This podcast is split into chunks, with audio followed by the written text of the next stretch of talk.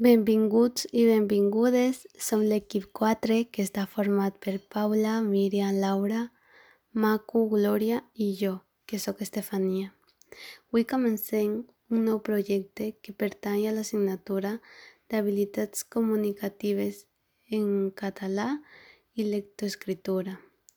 En aquesta durem a terme un podcast educatiu sobre el bloc 2 d'aquesta assignatura que és la llengua oral.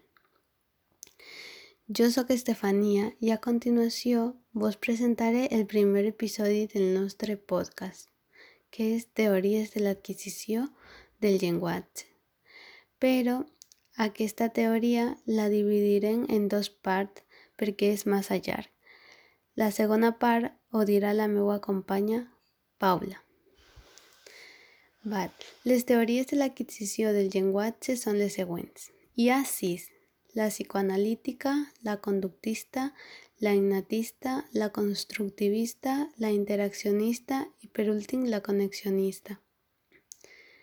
En la teoria psicoanalítica està Simon Freud i Carl Jung. Van més enllà de la, de la relació llenguatge i pensament vindicaven la relació entre llenguatge i vida afectiva. I Bowlby va dir que les conductes entre nen i mare marca la, la formació de vincle afectiu, sense el qual puguin aparèixer problemes conductuals.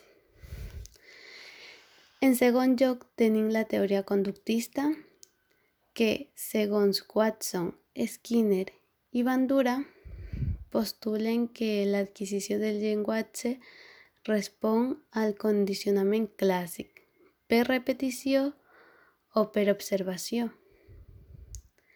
La teoria innatista, que és la tercera teoria, és de Chomsky i diu que la capacitat de parlar és innata i existeix els universals lingüístics, que són principis generals que determinaran les estructures gramaticals de cada llengua, en particular juntament amb el context.